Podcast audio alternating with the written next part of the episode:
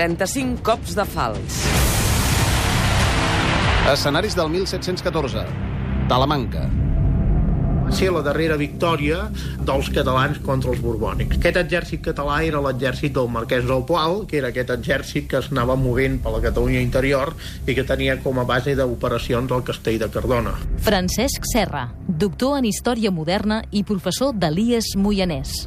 Va ser una batalla de dos dies, just un mes abans de la caiguda de Barcelona, els dies 13 i 14 d'agost del 1714. Avui la reviurem.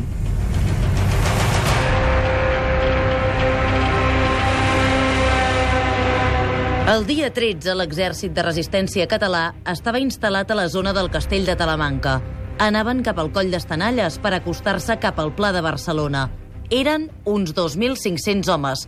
Un grup de borbònics els perseguia. I el dia 13 eh, d'agost es va presentar una gran columna borbònica formada per 3.500 combatents més que venien per la banda de Monistrol de Calders, es van instal·lar a la casa de Mossarra aquests borbònics tenien uns 2.000 dragons, que eren soldats que estaven preparats per lluitar a cavall i a peu. Els borbònics van baixar cap al riu i allà va, ser un començar, va començar la batalla. L'atac va agafar l'exèrcit català per sorpresa i la batalla va ser intensa. Amb el pas de les hores, arriba un contratemps. Va ser una batalla, sobretot tirotejos, des d'una banda a l'altra de la Riera, i tenim constància que el dia 13 els combatents catalans van acabar les bales, perquè les cròniques ens indiquen que fins i tot van haver de llançar pedres. Amb l'aigua al coll, el dia 14 d'agost, al matí arriben reforços des del castell de Cardona, i no una ajuda qualsevol.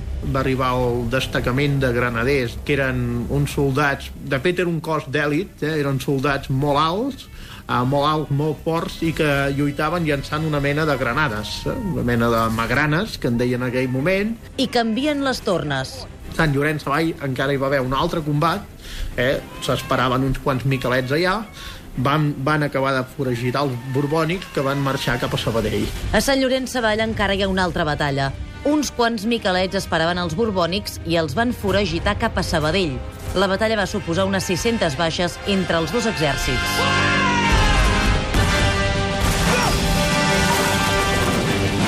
Amb aquests combats entenem que a l'interior de Catalunya hi havia un exèrcit català que lluitava comunicat amb el de Barcelona per poder trencar el setge borbònic que hi havia sobre la ciutat.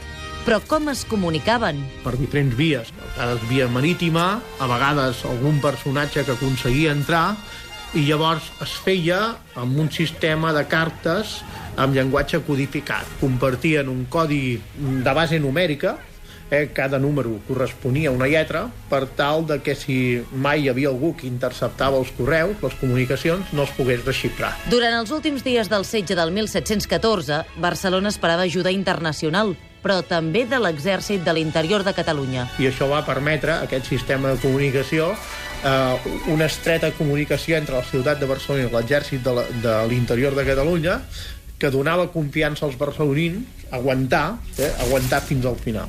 Els resistents barcelonins eh, no eren tampoc temeraris, resistien per guanyar, eh, no resistien per perdre.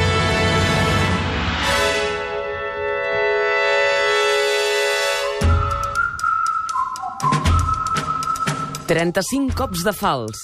Laia Claret i Clara Jordan amb muntatge musical de Josep Plazas.